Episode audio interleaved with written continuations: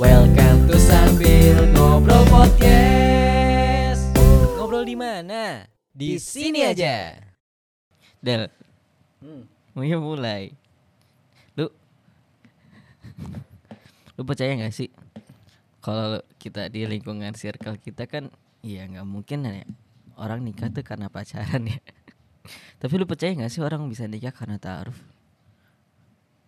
Maksudnya bukan lihat fenomena yang udah ada gitu loh. Hmm. Dari dari Dari diri dari sendiri. keyakinan lu sendiri nih.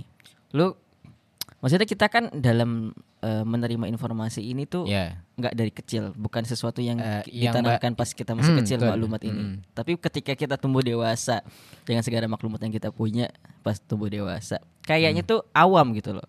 Dan gue termasuk yang awal-awal ya. Iya, Masa iya sih orang bisa nikah karena taaruf? Kalau Hmm. lu gimana? Kalau aku sih tahu konsep eh, ta'aruf tuh ya maksudnya termasuknya golongan baru ya. Maksudnya artinya eh mungkin pas awal-awal gitu kan. Iya pas lu awal-awal. ngaji kan? Ah, gue juga betul. gitu loh. Jadi eh k- kalau dulu nggak terlalu mikirin hal itu sih. Karena kan mungkin belum Ada ini ya. kebutuhan. Buk- belum belum itu bukan. Maksudnya belum terlalu kayak udah siap terus Iya, mikirin itu gitu. belum Kayak ada belum ada masih jauh keperluan. masih jauh banget gitu Iya. loh. Jadi nggak terlalu Tapi kayak sekarang kepikiran. Ya kepikiran. Berarti udah siap. Kan ya belum. Bisa disiapkan. Eh, ter- pertanyaan tadi apa? Nggak lu percaya gak sih kalau kita tuh bisa nikah karena proses ta'aruf? Maksudnya gini loh, yang kita tahu ya ta'aruf Hmm. ya.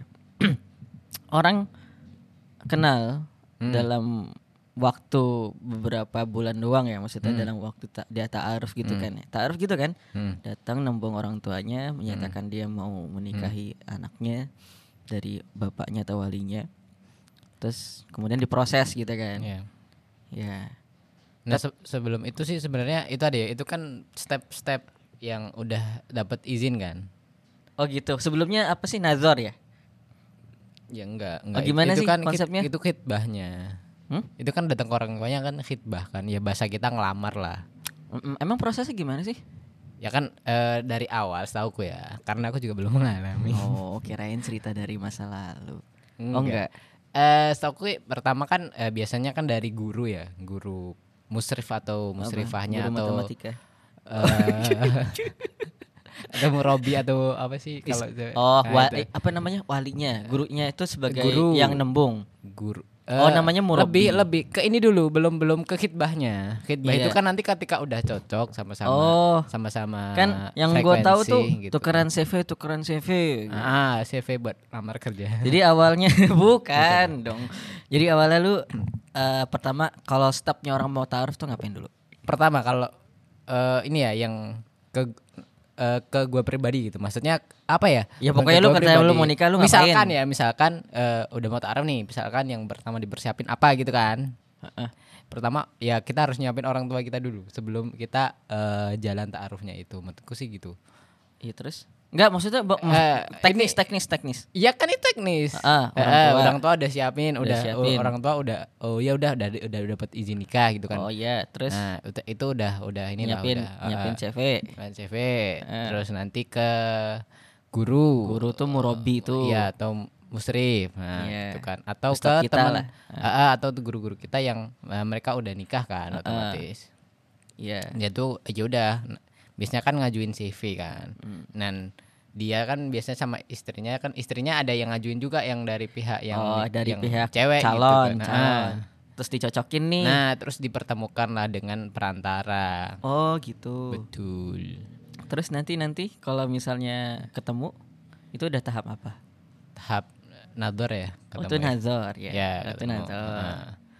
Nah, terus Terus terus aja kamu. lebih pengen tahu. Iya, iya jadi harusnya kita mengundang satu lagi yang sudah mengalami Oh, gitu. gitu. kan. Iya. Ya, yang Udah setahu, sebatas setahu batas setahuku sih kayak gitu. baru akhirnya eh, nanti nador cocok, heeh. Aku ingin melamar putri bapak. Heeh, itu itu khidbah tahu kena- bahasa kita kan lamaran ya gitu kan. Hmm. Mm, Nah itu kan datang sama ke orang tuanya. Oh, berarti eh cocoknya dia ketika ketemu sama orang tuanya ada proses lanjutannya baru kitbah gitu. Maksudnya? Enggak misalnya kan ketemu tuh dipertemukan. Kan ha, ada, Ada perantaranya. ber- bertukar informasi Ha. CV, Gue cocok nih. visi dan Terus segala terus kalau mau ngelamar kapan? Hah? Terus kalau mau ngelamar kapan? ya tergantung kesepakatan. Oh gitu. Iya. Tapi ketika misra- merasa cocok langsung ngomong saya menikahi putri bapak gitu kan iya orang Iya. taaruf kan juga tahu dia mau nikah iya. ya. Terus heeh. terus terus apa? misalnya udah selesai taaruf gitu pas ketemu nazar Ah, itu, nazar. langsung langsung bilang mau Iya, nador itu kan bisa bisa eh, ketika diterima bisa enggak? mungkin bisa ngajuin pertanyaan. Ah, Ketika kan baca CV misalkan Iya. ada yang hal-hal yang masih bingung nih di CV-nya itu. Wah, ini maksudnya apa nih Mas? Ya bisa bisa ditanya-tanyakan ketika nador kan. Gitu. Dan nador ini ada harus ada ininya, harus ada perantaranya tuh. iya Pasti paham. ada ahramnya lah gitu Mm-mm, kan, mm-mm. gurunya dan segala macam. Hmm, Nah situ udah cocok. Cocok. Kau kau bilangnya tadi udah cocok kan. Iya. Terus itu khidbah. Malang. oh. Nah, dari eh, ya terus eh, abis itu kan ya eh, perjanjian keluarga masing-masing lah ya, mau Hmm. khidbah kapan, ngadain acara apa dan segala macam. Nah itu kan masing-masing gitu oh kan. gitu. Jadi nah terus habis khidbah nanti kan eh, mau misal mau langsung sebenarnya bisa. bisa kan? eh, misal kalau langsung ya udah kita nikah gitu, eh pasti gitu sih. Kita nikah deal, sip. ya nggak gitu. Ya maksudnya bisa juga. Nah iya, Kayak iya. gitu. Maksudnya yang mau gue kritisi kan itu baru ya, hal baru ya. Hmm. Dan yang Baru buat kita ya maklumat maksudnya. buat kita itu. Maklumat yang kita terima itu kan ya selama masih kecil Hmm. itu hal yang lebih simpel daripada itu kan. Maksudnya yang lu tahu sebelum kita paham konsep ta'aruf dan Hmm. segala macam itu ya ketika lu merasa tertarik dengan seseorang, Hmm. lu deketin, Hmm. PDKT, pacaran, Hmm. terus eh, ketika memang udah ngarah ke serius, Nah. nikah datang ke orang tuanya saya mau melamar putri bapak bilang ke dia aku mau jauh mau jadi kamu jadi ibu dari anak-anakku gitu. Terus kemudian jadi. Simpel ya? Simpel banget kan? Tidak simpel itu. maksudnya daripada eh, yang kita bayangin dalam proses ta- maksudnya yang terbayang di dalam eh, benak gue waktu gue akhirnya paham eh, konsep ta'aruf ya yang dibayangin gue tuh ih kok ribet ya? Maksudnya yang dia bayangan gue Hmm. Emang apakah bisa orang itu tanpa kenal satu sama lain yang dengan waktu yang lama dibandingkan dengan orang yang pacaran ya? Hmm. Kok bisa memutuskan untuk hidup bersama dalam seumur hidupnya Iya. dalam waktu yang ia tersisa dalam hidupnya bersama dengan Iya. orang itu Mm-mm. dengan eh kecocokan pada ketika dia proses taruh. Iya, heeh. Itu Menurut gue tuh kayak mustahil sih. Awal-awal gitu. Awal-awal. Heeh. Kalau sekarang gimana? Hah? Eh, nanti dulu. Ah, nanti dulu. Maksudnya ketika kemudian eh, pembandingnya, Heeh. pembandingnya Pacaran gitu pacaran, kan. ya kan? Iya. Eh, proses pengenalannya Eh, lama ya. eh, kayak lu pandangnya kayak lebih realistis gitu Realistis. kan ya. Karena lebih lama, lebih ibaratnya lebih deket gitu Iya, kan. realistis. Heeh. Ke- kita harus tahu karakter orangnya seperti Iya. apa. Bahkan sebelum Oke. jadi pacar, Mm-mm. sebelum jadi pacar kan kita screening dulu tuh. Heeh. Orang ini cocok apa Oh enggak? gitu ya. Lu pernah gak sih rasa suka sama orang gitu? Ya kalau suka kan fitrah. Ah, itu ya? Suka. Fase fase suka sama seseorang gitu loh. Heeh. Nah, kemudian akhirnya lu Terus? deketin proses PDKT Mm-mm. gitu kan. Mm-mm. Eh, ketika lu merasa kecocokannya ini memuncak, maksudnya dalam artian lu cocok nih sama dia. Mm-mm. Ini kayaknya belahan hati gua. Iya, maksudnya Iya iya iya iya. heeh. gua dengan dia merasa nyaman, gua merasa dia dengan satu frekuensi, Hmm. mer- merasa dengan dia tuh satu frekuensi. Eh, dengan duduk aja sama dia rasanya itu udah cukup gitu Iya, ya. heeh. Itu tuh eh, men- terus kemudian ada proses di mana gua mau dia jadi pacar gue. Heeh. Selama itu, itu pun Heeh. ada proses lagi kan Iya. selama pendekatan bahkan ada yang sampai lima tahun ada yang 8 tahun kayak leasing motor gitu kan lu bayangin leasing motor 8 tahun selesai dapat motor terus 8 tahun terus kemudian. sakit sakit. Motor masih ada. Loh, orang orang tinggal sakitnya saja. Aduh. Nah maksudnya eh, lebih realistis gitu ya. Terus eh, pendekatan udah merasa kayak Mm. lu tahu. Gue pikir begitu tadinya. Heeh. eh mak- maksudnya sampai akhir nanti ke jenjang pernikahan gitu ya. Yang kita tahu kan ada dan terjadi gitu Eh, eh. ya. nah tapi eh setelah gue pikir-pikir eh yang menjamin seseorang itu bisa langgeng sama di dalam pernikahan bisa merasa nyaman dalam pernikahan itu apa sih yang gue bertanya-tanya maksudnya eh, ada orang ya kita ngelihat artis Mm-mm. ya lu nggak harus menanyakan kecantikan dalam segi fisik gitu loh kurang ganteng apa kurang cantik Mm-mm. apa kok masih bisa selingkuh Mm-mm. kurang kaya apa Iya. nih mereka secara finansial cukup Mm-mm. terus kemudian gue lihat orang udah pacaran 8 tahun tapi kok ternyata masih ada yang selingkuh? Ternyata gue tuh mempertanyakan oke eh, kedua hal ini adalah suatu konsep tapi mana yang lebih realistis menurut gue maksudnya eh menurut kita realistis pun eh, ada sisi di mana oh ternyata itu tidak tidak tidak berjalan dengan baik. Nah, aku pertanyaanku ini sih, eh, ket- ketika pacaran ya, eh, membedakan orang yang kalau taruh kan jelas ya, jelas lu jelas. tahu Maksudnya, mau nikah. Iya, secara secara rasional kita tahu gitu kan bahwa taaruf tuh ya udah nyiapin orang tuanya buat udah dapet izin nikah, buat Iya, dia- mempersiapkan udah, udah dia. nyiapin dananya, udah eh, sekarang udah di prepare lah. Tinggal abis itu kan ketika udah disiapkan dirinya, udah siapkan finansial, mental dan segala macam, baru eh, kemudian terus taaruf taruh gitu kan. iya Nah kalau pacaran, aku mikirnya gini, eh untuk membedakan orang ini serius sampai nikah Mm-mm. Atau orang ini cuma main-main di pas pacaran itu, itu apa? Maksudnya indikatornya lo bisa ngebedain, eh misal nih Kir, eh, ada seorang cowok sama cewek gitu kan, iya. Terus yang cowok ini pengennya serius. Misalkan ya misalkan. Terus yang cewek ini eh, nggak serius lah. Ya main-main aja gitu kan. Nah. Butuh temen. Nah ah, mungkin kayak gitu juga. Loh, korbannya lo enak aja. Oh, iya. Ah, terus kan untuk memastikan cowok ini eh maksudnya memastikan cewek ini cowoknya kan tadi pengen serius Iya. terus ceweknya kan nggak serius atau main-main aja. Nah untuk memastikan eh, si kalau si cewek ini bilangnya aku mau serius sama kamu gitu kan. Ya, terus yang membedakan dibuktikannya dari iya apa? heeh, maksud gue itu. Jadi cowoknya tuh bisa percaya dari apa? Soalnya kalau kita melihat realitas banyak kok yang empat tahun pacaran empat ini kan terus nikahnya sama yang lain ya gitu kan. Jadi indikator keseriusannya itu apa gitu? Nggak ada gitu loh menurutku tuh. Ya Eh, tanggung jawab ya nggak ada. Komitmen ya udah Nah. pergi aja udah hilang kan ibaratnya Iya. kan gitu. Ya itu loh. Akhirnya eh ngomong apa ya gimana pengalaman tapi enak juga.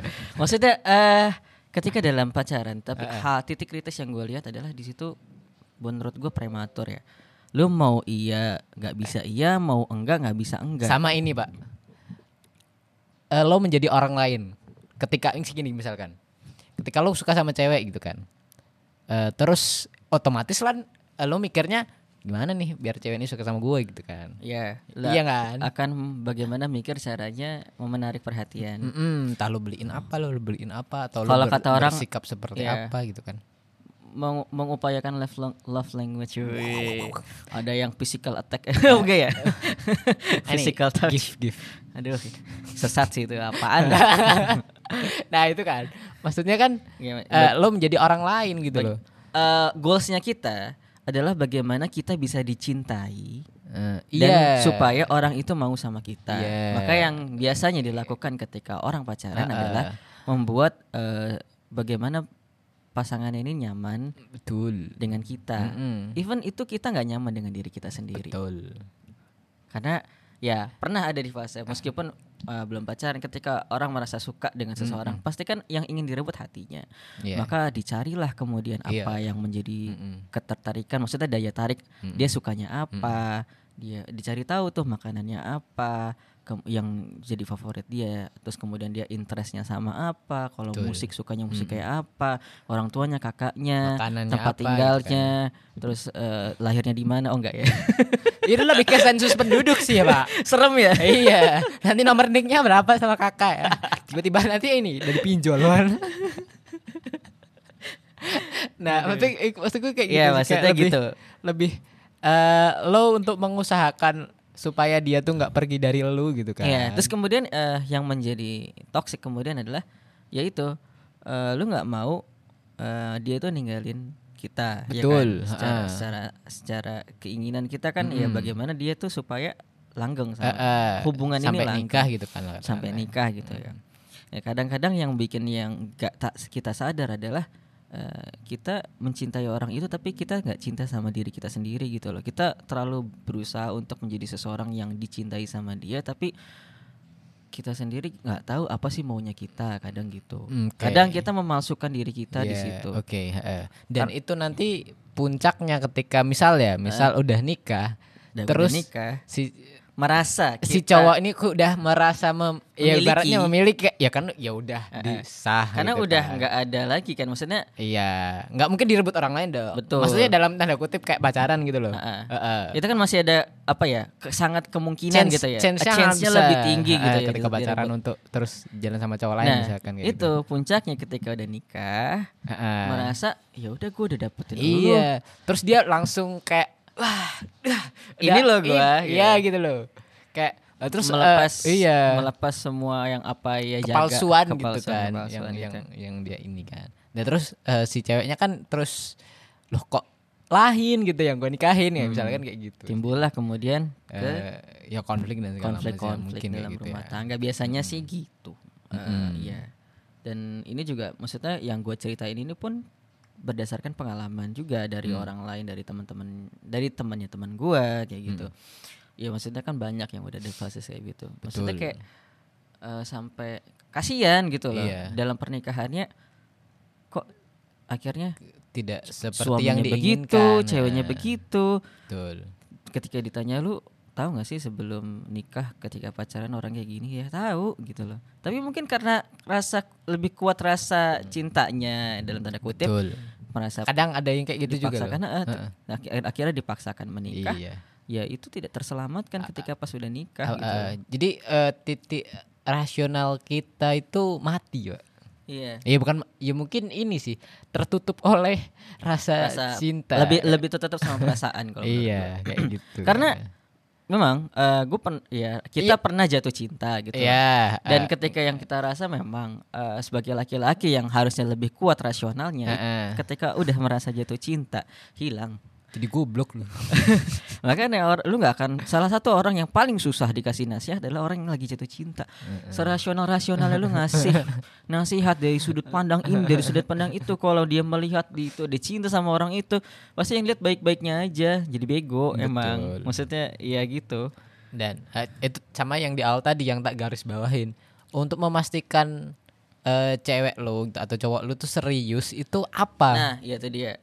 Dan Itu- nggak Keti- bisa eh, jadi penilaian. Heeh, jadi ketika lu bilang ya udah nang nanti eh, eh, dua tahun lagi sayang gitu kan misalkan dan setelah dua tahun hilang atau da- ih, sebelum So- dua tahun soalnya ya, soalnya ada nggak Del pastinya. apa?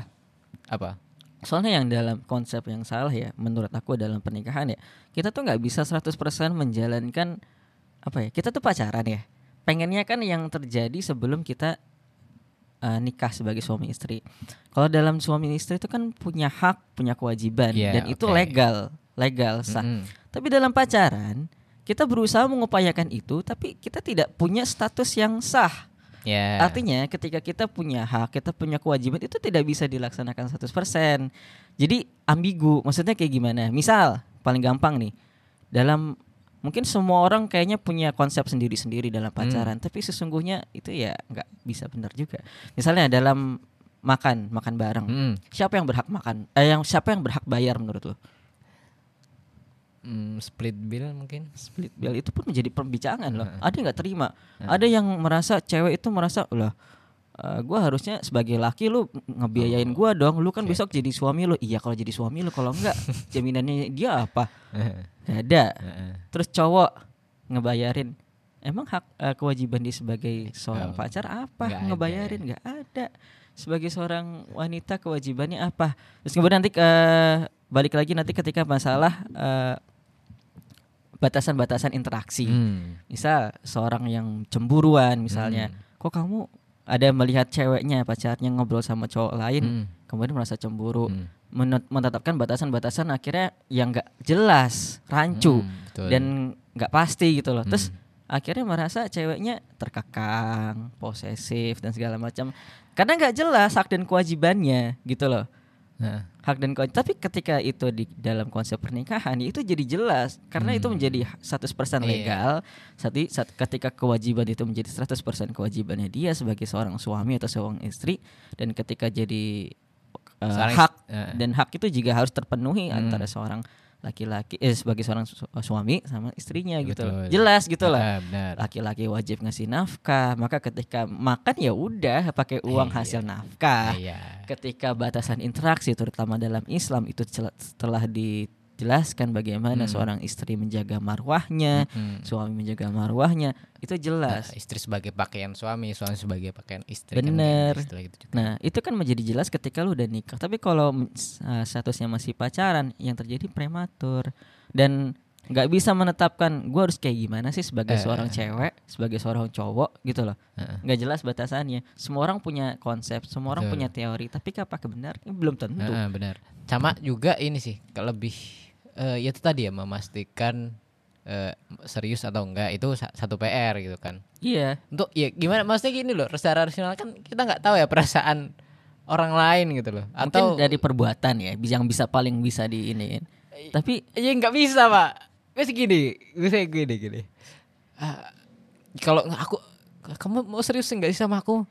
Iya aku serius sama kamu. Iya kan itu omongan aja. gitu. iya sih, nggak ada Iya, bukti nyata. Karena yang bisa dibuktikan ya, ya nembung orang tuanya nggak sih? I- iya. Ya lu ngelamar nggak sih? Iya. Ya, ya udah gitu doang. Nggak- iya ya juga ya nggak bisa dibuktikan dengan perbuatan selain itu ya. Iya, iya maksudnya ya nggak ada. Dan gitu. ketika itu dilakukan dalam konsep ta'aruf, dalam Ya. konsep kitbah dalam Islam, itu kan sudah terpenuhi. I- iya dan dan apa ya? Dan nggak ada rasa kecewa. Maksudnya bukan nggak ada rasa kecewa ya. Eh meminimalisir rasa kecewa. ya. Meminimal- meminimalisir rasa kecewa itu karena kalau ibaratnya lo udah udah jalan kayak gitu udah sering bersama dan kayak gitu kan Mm-mm. eh, itu kan terus nggak jadi gitu kan Oh, nah itu iya. kan berat itu pak gitu loh Iya, itu ya itulah yang kemudian ras lagu-lagu patah hati tercipta eh, ini dan laris ya dan laris. Ya Dan karena tidak mungkin ada yang ini. dirasakan oleh orang-orang ya kayak gitu karena Mm-mm. memilih jalan yang kurang tepat. Mm-mm. jadi ya gitu. udah lebih ke situ sih Tapi apakah kemudian kalau kita memilih ta'aruf dan Mm-mm. eh, bagaimana Islam mengatur kita itu benar eh, memasti eh, pasti gitu loh. Soalnya eh, dalam dalam perjalanan ini selama eh, keilmuan yang kemudian bertambah ya. Mm-mm. Dalam perjalanan gue akhirnya paham tentang Hmm. hal-hal ini. eh gue tuh paham ya dalam yang menentukan eh, seseorang itu bertahan dalam pernikahan ya salah satunya pasti karena tujuan. Ya maksudnya eh, oke dan ini yang harus disiapkan nanti ketika lu memutuskan untuk mau menikah kan. betul Ya kan yang cuma cinta kan Ha-ha. karena kalau kita ngomongin cinta, orang pacaran ya kurang cinta apa. iya Kalau kita ngomongin harta itu bisa habis di perjalanan ketika nikah. Maksudnya ketika lu ngomongin fisik secantik apa pun nanti juga akan keriput. Meskipun ini kita ngomong secara teori ya maksudnya Mm-mm. ya lu- masa lu nggak mau nikahin orang yang cantik. Iya. Iya, iya. Maksudnya tapi tapi itu kemudian akan habis gitu loh. Mm-mm. Tapi yang tidak adalah ketika lu punya tujuan. Dan ketika ngomongin cinta tadi ya, cinta itu kan sangat fluktuatif. Ya, Paham nggak? iya maksudnya iya eh lu bisa cinta sama Iya, pasangan lu. eh, tapi ketika- ketika ada faktor-faktor yang ada konflik lah, konflik ada segala macam, perbedaan pendapat. itu kayak bisa itu tuh bisa hilang. bisa ya ibaratnya menurun lah atau Hmm. bahkan bisa tadi ya hilang tadi gitu kan. Nah, eh, itu kan sangat fluk- fluktuatif gitu. Sampai ini sih kayak eh, aku tuh pernah dengar istilah ini, bukalah matamu selebar-lebarnya ketika belum menikah dan tutuplah matamu serapat-rapatnya ketika sudah menikah. wih Artinya gini ya. eh, sebelum lo nikah lo harus eh, apa ya ibaratnya tuh harus ya membuka mata lebar-lebar. Artinya eh, lo harus selektif kayak gitu kan. Ya harus selektif, harus dipandang eh, visinya dan segala macam itu kan harus eh, terseleksi lah ibaratnya. Terus nggak cuman kita cuma main perasaan aja lah ibaratnya kan gitu loh. iya Rasional kita harus harus hidup gitu loh. Eh, cara pandang kita, akal kita tuh harus eh, memandang itu gitu. Loh. Nah setelah menikah tutuplah matanya serapat-rapatnya artinya eh ketika udah, udah nikah ya udah yang dapat yang lo dapetin aku- apa ya? Aku Untuk- juga belum belum belum lah sih. cuman ada istilah itu gitu loh. Jadi intinya ketika ya mesti kan ada kekurangan kan. Ada kekurangan ada kelebihan dan segala macam. Nah itu yang yang harus diterima sih gitu sih. Hmm. Iya. karena apa ya ketika lu udah nikah ya lu akan stuck to one person ya dari selama seumur hidup iya ibaratnya. Dan kalau dipikir-pikir agak serem ya Iya, iya Iya maksudnya nggak sih? Iyalah. Iya kan? Dan makanya itu yang menjadi pertanyaan gue Iya. ketika gue baru tahu konsep ta'aruf. Mm. How Ak- gitu loh. eh, sampai aku juga pernah dengar cerita dari siapa ustadz siapa gitu kan. Dia kenalnya cuman eh satu jam kalau nggak salah tuh. Jadi jam enam- jam 5 dia ke dia ke rumah ceweknya buat nador itu kan. Mm-mm. eh terus jam 6 itu udah langsung khidbah. Uh, cepat sekali. Satu jam yang menentukan hidupnya selama bertahun-tahun selanjutnya. Iya, maksudnya wow gitu kan. Ya. Ya kalau kita mikir kayak, hah kok bisa? Iya. Tapi ya itu dia eh, secara faktor-faktor yang kemudian menjadi pertanyaan kita, ya itu ya tidak menjadi jaminan yang akan menjamin kelanggengan lu dalam Mm-mm. pernikahan. Mm-mm. Ya salah satunya tadi, ya salah satu yang menguatkan salah adalah tujuannya tadi. Betul. Keterikatan dia dengan ini loh. Maksudnya eh, faktor apa sih yang membuat seseorang itu bisa tidak melakukan kejahatan? Nah, misal aku kejahatan sih apa ya? Mungkin untuk melak- tidak melakukan suatu pelanggaran lah gitu kan. Ya itu kan keterikatan dia dengan Allah kan. Artinya eh gini kalau Nah ini yang yang kita lurusin tentang tujuan tadi ya. Nah ya itu maksudnya eh, seberapa paham kita kons eh, seberapa besar kita paham sama konsep pernikahan dengan Mm. tujuan yang eh, benar dalam Mm. Islam terkait pernikahan itu sendiri. Mm. Nah apa yang perlu kita siapin untuk menyiapkan tujuannya itu? Nah coba ini yang kita bahas biar kemudian nggak salah gitu loh tujuannya kayak apa yang dimaksud gitu Oh, kan. Aku sih tadi lebih Nah. menggaris bawahi ke eh, ketika pacaran eh, maksudnya kita kan eh, sekarang kita udah tahu ya mungkin udah di mana-mana orang orang pacaran mungkin udah tahu ya kalau ya pacaran tuh ya ya nggak boleh gitu kan. Gitu kan? Eh, jadi alasan apa untuk dia nanti setelah menikah dia nggak apa ya? Ibaratnya ini loh aturan aturan Tuhan aja dila oh, gue Oke, nggak- iya, nggak- iya, nggak iya. gitu sih. Gua paham konsepnya. eh, lebih ke situ sih Gini, eh ketika seseorang itu memutuskan tetap untuk melakukan pacaran, padahal dia tahu sebenarnya itu adalah hal yang dila- dilarang dalam agamanya Mm-mm. dia, terus kemudian dia tetap melakukan Mm-mm. sampai titik di mana dia akhirnya eh, bisa di tahap nikah. Eh, eh.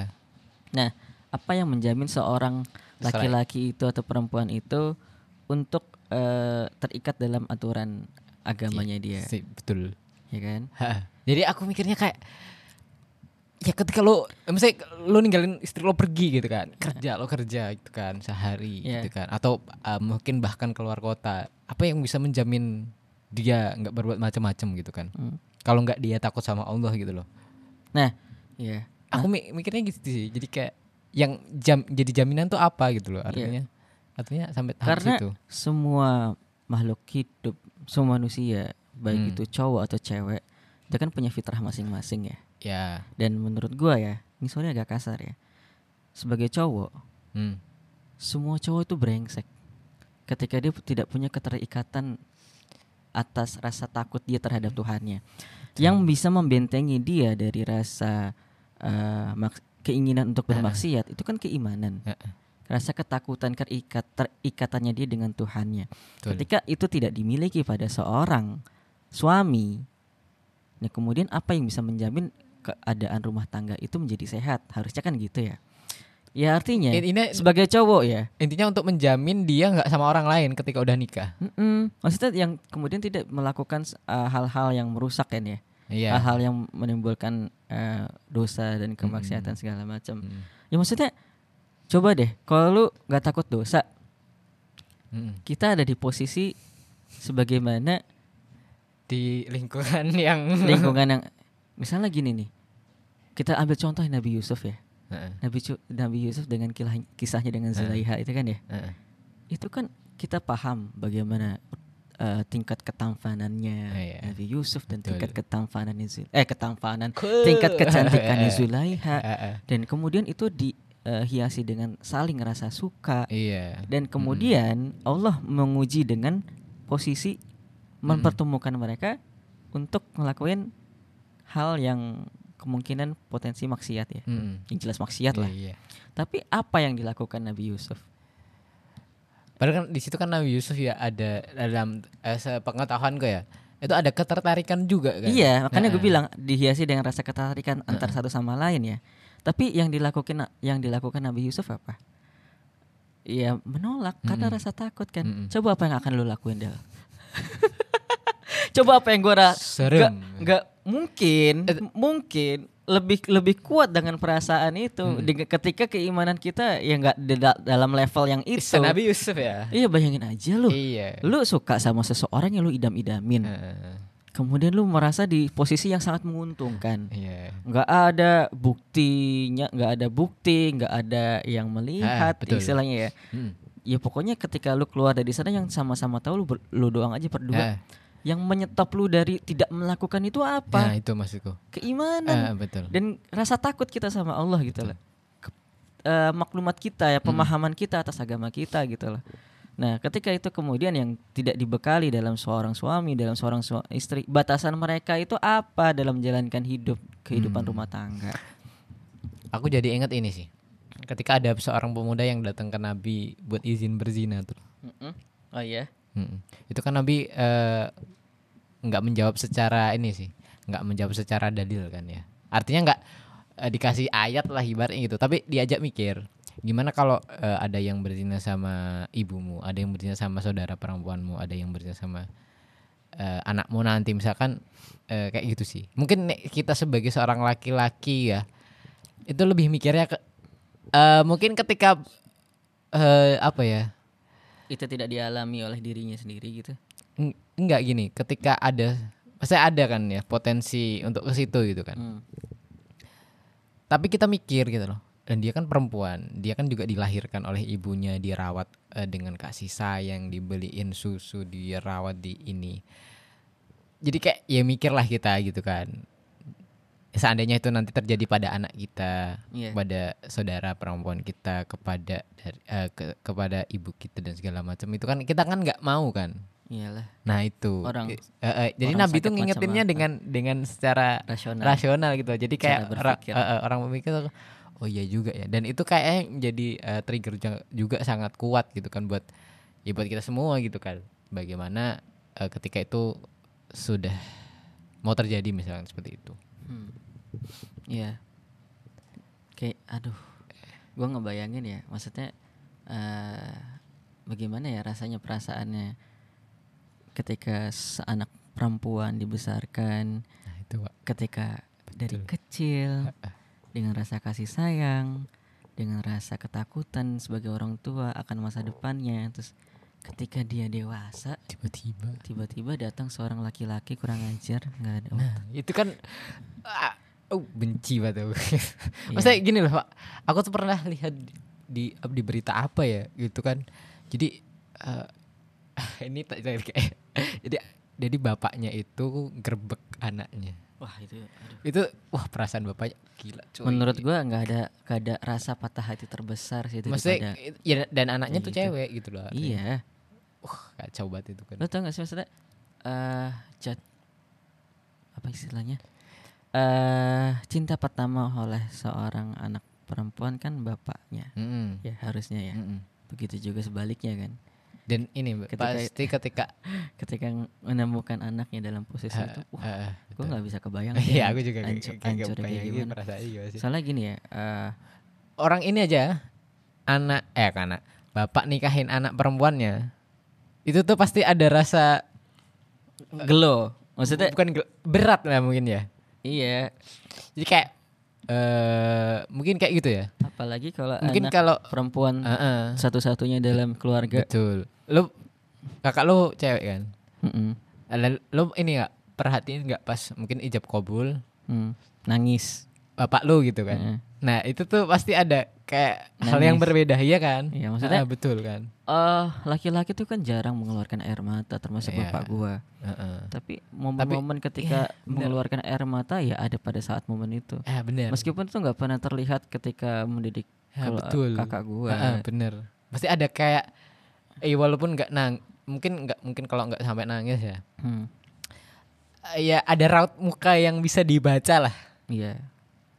kayak ya gitulah ya. Ya itu loh maksudnya. Gue aja sampai ini ngeluarin air mata, Kenapa pedes? kakinya keinjek. Apa sih? Kirain bawang pedes. nah maksudnya eh, lebih ke situ sih aku mikirnya kadang eh ya minimal gitu kan ya. Minimal banget kan sampai ke tahap itu ketika eh di situ. Iya, iya. Aduh, berat sih kalau ngomongin cewek. nah itu lah intinya. Eh mungkin kalau ini juga sih aku tuh gini aku mau ceritain. Eh kalau dalam ta'aruf kan bapernya bisa ibaratnya diminimalisir ya Ya, mungkin ada rasa baper, tapi mungkin ha. tapi ya harusnya itu tidak lebih besar daripada orang yang me, betul me- apa ya, memak- meaplikasikan rasa baper itu pada orang pacaran gitu ya. betul ha, ha. dan aku mikirnya sih eh, kecewa itu berat loh pak Ya iyalah. Iya maksudnya, ya maksudnya lu udah, udah berat sama, sama Kalau lu nggak berat lu nggak kecewa namanya Ah, Delis. iya. Lu udah merasa seorang terus terus gak jadi kan itu berat. Nah, itu kan juga untuk memanage diri kita kan. Maksudnya Iya. untuk untuk membatasi Heeh. rasa itu gitu. Dan loh. dan yang sebenarnya yang benar adalah ya tidak ada rasa baper sebelum ta'aruf. hmm. Maksudnya ketika lu ta'aruf yang harusnya ya gue pelajari yang yang yang gue tahu ya seharusnya tidak ada rasa baper sebelum ta'aruf. Karena ya konsepnya nggak boleh baper dulu. Kalau udah baper ya artinya lu mainin perasaan di sana gitu loh. Eh, artinya apa? Ketika kemudian terjadi apa ya? Kemudian misalnya lu nembung nih Hmm. ke dalam orang tua. orang tuanya dia. Sementara eh, kemudian apa istilahnya apa ya? Apa?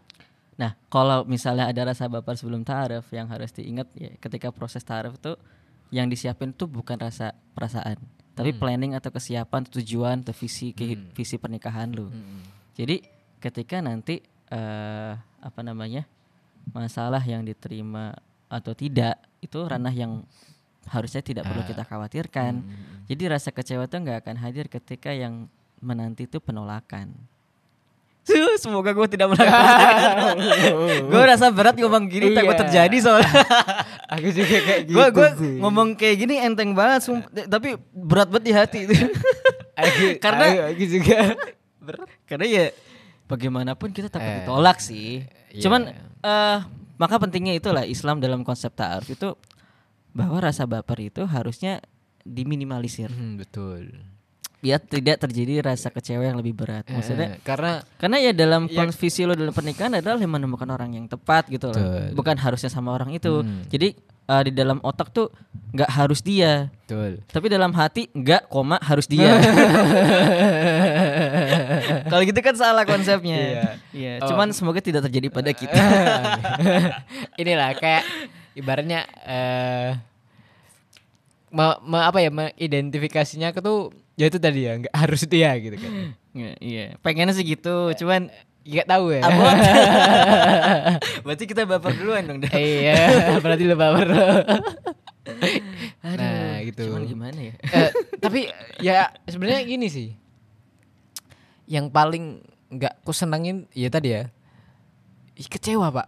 Soalnya nggak enak, nggak enak beneran gitu loh. Kayak apa sih gitu kan ya harus nggak Iya. ya nggak itu Makanya gitu loh. yang paling Artinya- berat dalam seorang jomblo menurut gue ya. Hmm. Ketika dia merasakan jatuh cinta padahal dia belum siap untuk nikah. Lu nggak bisa ngapa-ngapain, cuy. Ya lu tahu kan nih pacaran itu yang kita omongin itu nggak bener, cuman itu dilarang dalam Islam. Ah. Tapi ya lu juga belum bisa nikah, terus lu ngapain? Nggak bisa ngapa-ngapain. Terus itu itu ada satu poin lagi sih. Jangan berharap loh. Ya, karena sebagaimana Ali bin Abi Thalib Iya. bilang, aku pernah merasakan semua kekecewaan pada hidup, tapi yang paling buat aku kecewa adalah berharap sama manusia. Betul. Iya. Ya, itu- Ya, tinggal bagaimana kita mempraktekkan apa yang kita omongkan, apa yang kita dengar pada malam Iya, hari ini. Semoga Eh, kok malam? malam ya? iya, kita kan recording malam. Tahu kan hujan. Iya. turun lagi di bawah payung hitam. Enggak tahu ya. Udin petot. Udahlah. Pokoknya ah ya. Dalam konsep ini maksudnya gini, eh ini kan datang dari keraguan, termasuk kayak keraguan gue terhadap konsep ta'aruf gitu ya. Hmm. Tapi yang eh, harus kita ketahui adalah ketika kita mengalami keraguan gitu ya. Hmm. Sama satu lagi sih. Sebenarnya yang, yang yang yang ini bimbingan guru, Pak. Nah, iya. Ketika ketika ta'aruf ya. Maksudnya kan eh, itu penting banget sih. Dia ya, yang di dalam ta'aruf ada ada istikharah dan segala macam. Sama ya tadi ya bimbingan guru itu. Bahkan ada orang yang eh, udah nyerahin nyerahin apa ya ibaratnya udah eh, yang gurunya aja yang milih kayak gitu. Sampai Oh. sampai dia tuh nggak percaya sama dirinya sendiri ya gitu loh. Tapi bisa kah gitu? Ada kan siapa itu aku lupa. Oh, iya. Siapa gitu kan yang ya udah Itu wah itu itu berat sih. Eh, eh. Di level itu berat sih. Maksudnya Eh, susah ya ketika eh. ya itu dia. Eh, Maksudnya karena susah kan gitu loh. eh, mungkin ini dia trust yang sangat tinggi juga sama Bukan masalah dia nggak percaya sama dirinya sendiri. iya Karena dia menggantungkan kepercayaan dia cuma sama Allah bahwa gue mau nikah, yang dituju tuh apa dia tahu. Jadi ketika gurunya merasa yang dia anggap itu adalah sebagai ustadznya, artinya dia udah tahu kan konsep Hmm. nikahnya. Artinya Ya. siapa pun yang dipilihin sama ustadznya itu pasti yang betul yang Baik. terbaik. terbaik. dan dia kenapa dia mungkin ini ya bisa gitu loh secara ini bisa milih sendiri gitu kan iya, tapi eh, karena kayak dia kok ketakutan jangan-jangan eh, aku milihnya nanti bukan bukan karena ibadah misalkan atau bukan karena Allah Iya. Eh, jangan-jangan aku milihnya tuh karena eh, nafsu Hmm. karena dia cantik karena dia ini gitu, ini dia ini dia itu itu loh maksud kayak gitu sih iya mungkin dia ketakutan ada bias itunya ya mungkin. Tapi ya Iya, mung- meskipun dalam Islam iya. juga maksudnya boleh Iya. diperbolehkan gitu Oh, kan ya. eh, betul ketika tapi gue pernah dapat ini, gue itu tahu ya. ting- menurutku tingkatan yang lebih tinggi Iya gitu ya. tingkatan yang lebih tinggi. Maksudnya eh menurut lu gimana Eh, Apa? ketika dalam lu memilih Heeh, lihat dulu secara fisik, heeh. kemudian baru lihat yang lain atau lihat yang gini lain dulu baru fisik? ini gini gini bahaya, gini ya. bahaya. ya. eh konsepnya jangan sampai lu nolak gara-gara agama Nah itu dia makanya jadi Gimana? yang pertama dilihat dulu fisiknya.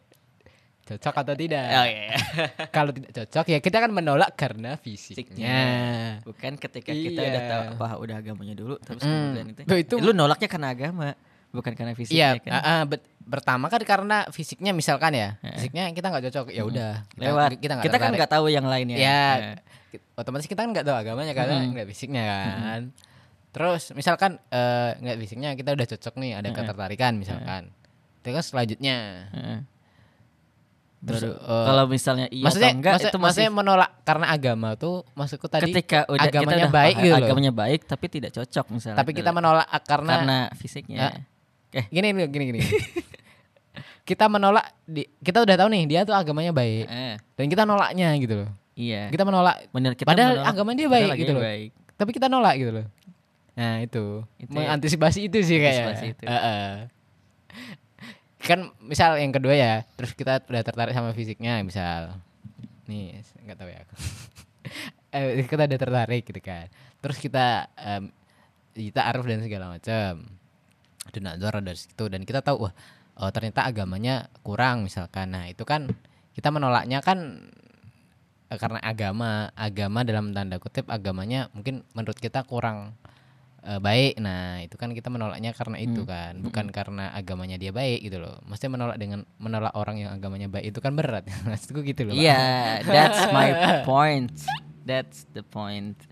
Ya, gitu ya. Eh, gak tahu ya itu Iya. boleh boleh gak sih kayak gitu Aku dari pendapat Ustadz Iya, gitu. boleh oh, oke Tergantung. itu pemik aku mikirnya sih gitu Tergantung ya sih, ya. Tapi tanya tanya lagi sama ustadznya. iya ini yang denger pak ini jadi nggak solusi ya Ya makanya ketika datang keraguan, ya keraguan dalam Islam, percaya bahwa konsep pernikahan dalam Islam itu menjawab semua ketakutan yang lu rasain. Kalau datang keraguan dalam hidupmu, ya perdalam lagi keilmuannya. ya mungkin kita belum tahu ya Heeh, Mm-mm, tentang kita- misalnya kita ilmunya, ragu betul. tentang pernikahan ya perdalam lagi keilmuan kita tentang nikah karena rasa takut ya harus dihadapin bukan dihindarin betul ya lu mau masa lu nggak mau nikah ya kan ya mau lah ya dan ketika Tapi kan- muncul keraguan ya Heeh. maksudnya ya kita pelajarin Iya, gitu secara secara sunatullah sih ya kita pasti Iya. ada ketakutan kan ya, Iya. takut nanti gimana nafkahinnya, takut nanti kalau punya anak misalkan Iya. sekolahnya gimana. Dan itu perlu dibahas kayak. Nah. Tapi kayaknya di next deh. Iya. Ini dibahas. Misalnya yang terjadi ketika gue tak eh, ragu ya terhadap konsep ta'aruf ya. Gue nanya sama ustadz gue kayak Mas, ya Mas lagi. Ya kan masih muda ya. maksudnya. Ah, Tidak sopan.